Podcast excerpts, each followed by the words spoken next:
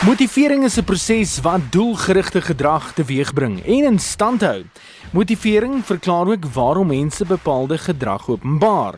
Doelwitstelling in die monitor van doelwitbereiking verwys na die kognitiewe dimensie van motivering. Nou voeg nou hierby musiek en jy het 'n mengsel wat nie net van kardinale belang is vir die brein en gedrag nie, maar ook vir die mens se emosionele welstand. Buddy, you're a boy, make a big noise playing in the street,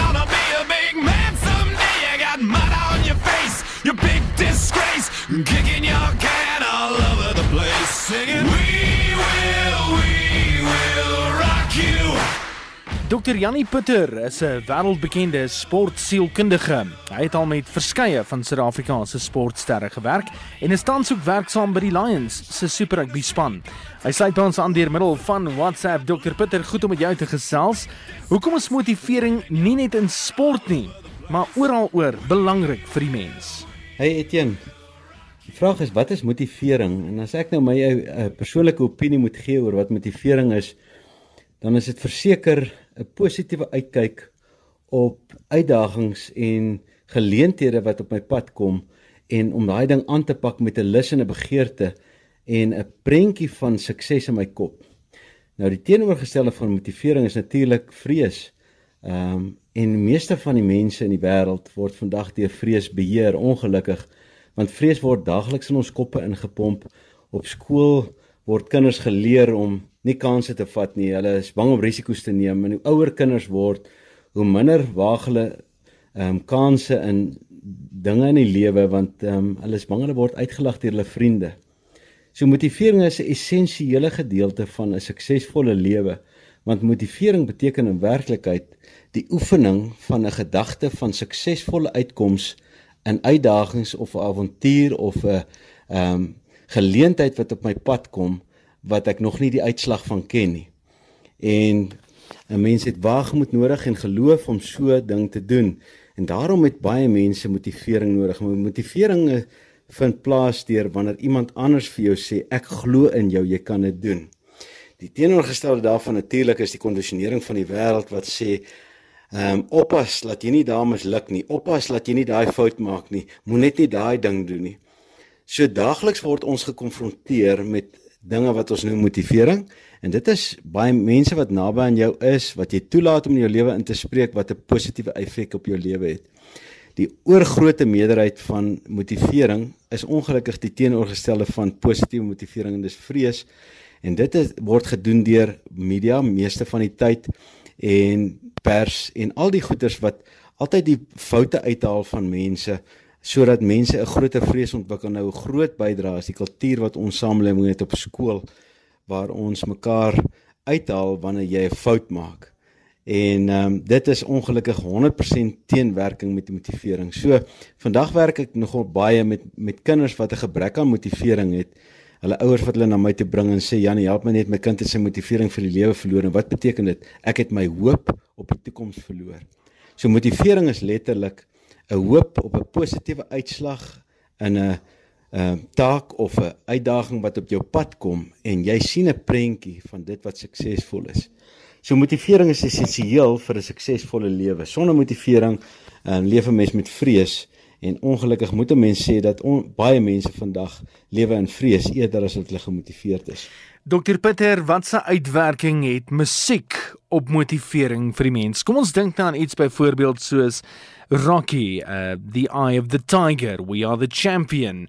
Hierdie is ikoniese liedjies wat vandag nog wêreldwyd deur sportsterre gebruik word vir motivering. Jy, dis 'n interessante vraag hierdie wat jy vra. Wat se uitwerking musiek op mense motivering? Nou as 'n mens gaan kyk, wat is motivering? Dit beteken ek skep 'n positiewe omgewing in my gedagtegang en my my denkwêreld waar ek 'n positiewe uitslag kan visualiseer. Visualiseer beteken ek maak 'n prentjie van dit En hierdie prentjie wat ek kan maak van 'n positiewe uitslag um, bring my hele liggaam in orde om daai prentjie uit te voer want die liggaam is letterlik 'n slaaf van die brein. Nou wat sê effek het musiek op motivering? Nou deur die geskiedenis, deur die eeue heen, weet ons dat musiek 'n intense effek het op mense breingolwe, jou breinwerking, op die ritmes, want musiek gaan eintlik oor ritme. En alles in die lewe gaan oor ritme. As 'n mens in ritme is met die lewe, dan beteken dit ek vind die ritme van die lewe, ek veg nie teen die golf nie. Nou baie mense verloor hulle ritme in die lewe want hulle word nooit op daai kom nooit in daai fase waar hulle letterlik kan vloei met dit wat gebeur nie. Ons baie mense veg die lewe en hulle het 'n probleem met die lewe. Nou die wonderlike ding van musiek, in deur die eeue heen is dit al bewys musiek word gebruik. Ehm um, ek meen in die Bybel staan daar Dawid het vir ehm um, koning Saul het hy harp gespeel om hom rustig te maak, om hom in 'n plek te kry waar hy goed voel oor homself. So musiek was gebruik om mense te entertain, om mense rustig te maak, om hulle te bedien, letterlik te bedien, want musiek is 'n manier om jou gedagtegang te laat ontspan. So verseker het musiek 'n massiewe uitwerking op motivering want om 'n positiewe gedagtegang te kry, moet 'n mens in 'n rustige omgewing kan ingaan. En ehm um, vir my persoonlik is musiek 'n fenominale uitlaatklep waar ek veral as ek in die motor ry en ek is op pad na werk toe, dan sit ek hierdie rustige musiek aan in die verkeer. Dit maak my hele wese anders voel as wat ek werklik sal sit in die verkeer en en en luister na stemme of ehm uh, enige iets anders behalwe hierdie rustige musiek wat in my ore speel. So deur die eeue heen het musiek al bewys, is musiek al bewys, wetenskap bewys dat die effek wat musiek en die ritme van musiek en die kalmerende effek wat musiek op mense het geweldig belangrik is vir 'n positiewe staat van gedagtegang. So as 'n mens wil ehm um, motivering in jou liggaam en of jou lewe inkry, is musiek fantastiese element wat dit kan bewerkstellig.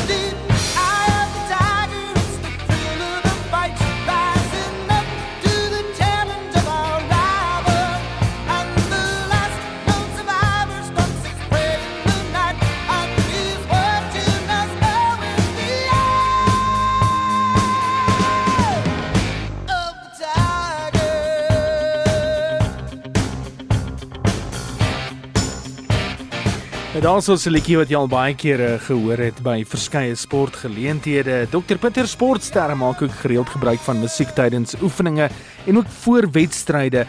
Dit dra dit by tot hul sielkundige voorbereiding vir 'n groot stryd. Verseker, ehm um, musiek is 'n element waar elke mens om in sy eie wêreld kan inleef.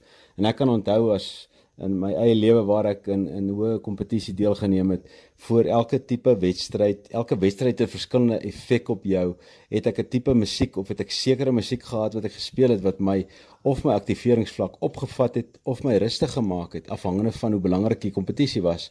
So hoe belangrik die kompetisie hoe meer rustig moet 'n ou wees. Hoe makliker die kompetisie hoe meer opgewek moet jy raak. En daar is verseker musiek wat hierdie um, emosie in jou ontlok ehm um, wat 'n mens luister. Ehm um, en dit is waarom musiek so wonderlike middel is wat baie sportsterre en sportmense gebruik om hulle op te op 'n vlak te kry van optimale prestering. Nou ons noem dit die flow zone.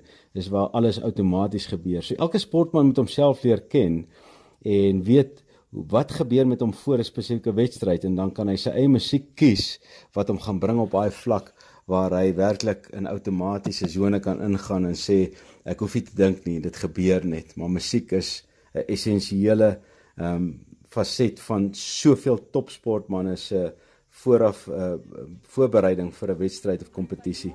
So jy kan dit gerus probeer. But it's been no bed of roses.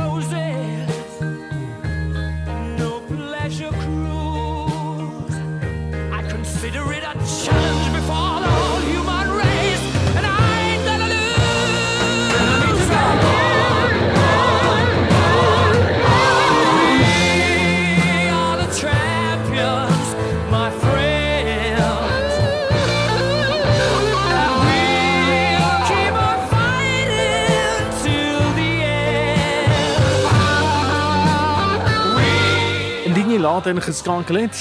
Jy luister na middag op RSG. Ek gesels met Dr. Jannie Pitter oor motivering.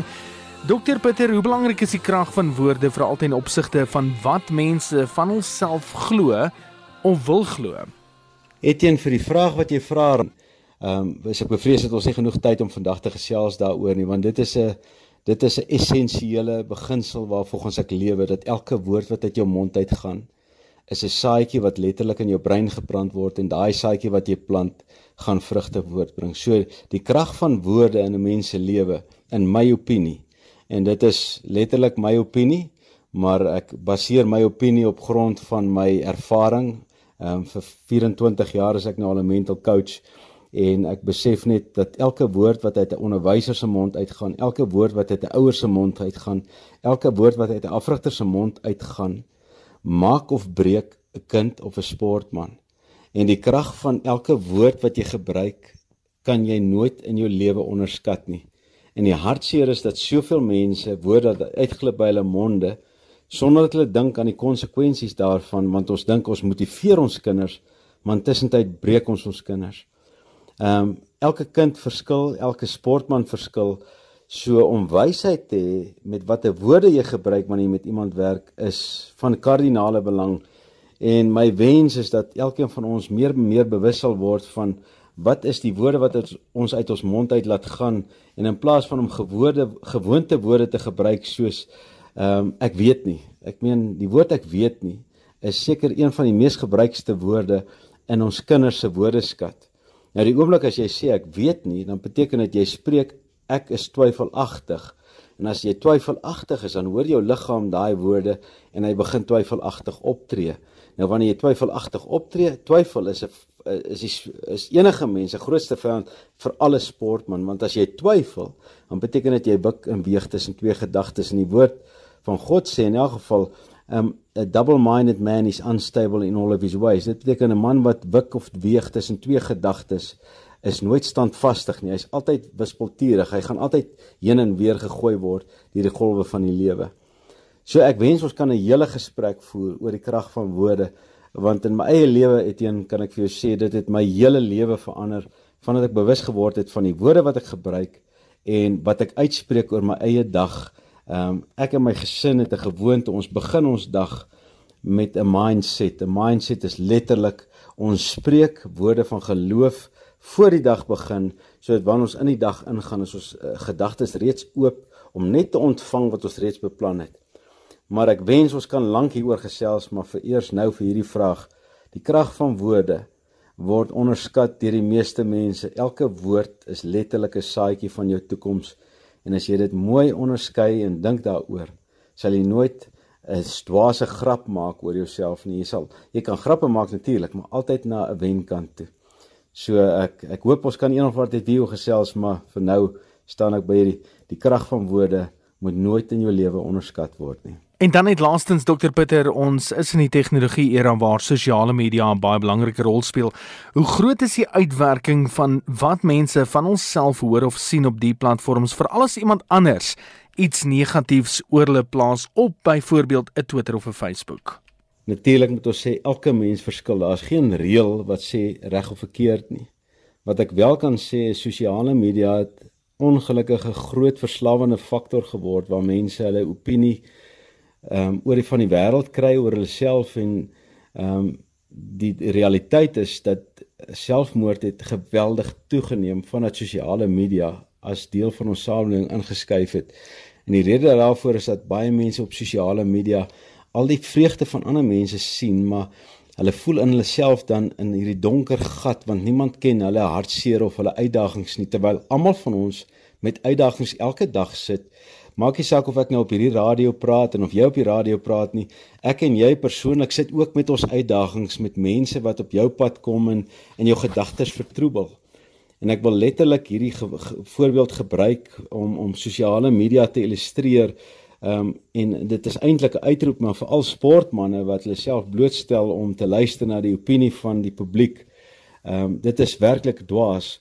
Ons noem 'n firewall is 'n ding wat jy opsit in 'n rekenaar om te verhoed dat daar 'n virus uh, materiaal inkom op jou rekenaar want die oomblik as daar 'n virus op jou rekenaar inkom en hy gaan in en jy klik op daai ding dan maak hy jou rekenaar van binne af stikkend hy hy vernietig jou hele harde skyf nou dit is die dit is die possibility dit is die moontlikheid wat sosiale media op jou brein het dit is letterlik soos 'n virus wat jy toelaat as jy nie 'n firewall het nie soos 'n virus wat jy toelaat op jou rekenaar wat as jy een keer daai corrupt file oopmaak, dan maak hy jou rekenaar van binnekant af vernietig hy hom.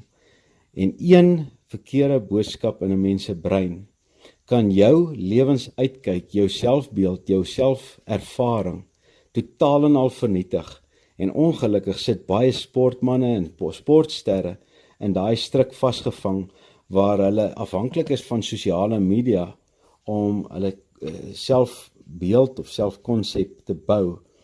Ehm um, nou dit is net 'n dwaas wat dit sal doen. As jy seker is van wie jy is, waar jy nou op pad is, waarom jy dinge doen, waarom jy op aarde is, dan het mens nie sosiale media nodig nie. Jy kan wel post, jy kan great dinge post op sosiale media, maar om tyd te spandeer om alles te gaan lees en en ander mense se opinies te gaan lees, wil ek vir jou eerlik sê, as jy 'n sportster is, skryf jy jou iemand wat 'n filter is vir jou, wat na jou toe stuur net wat tot jou voordeel sal wees.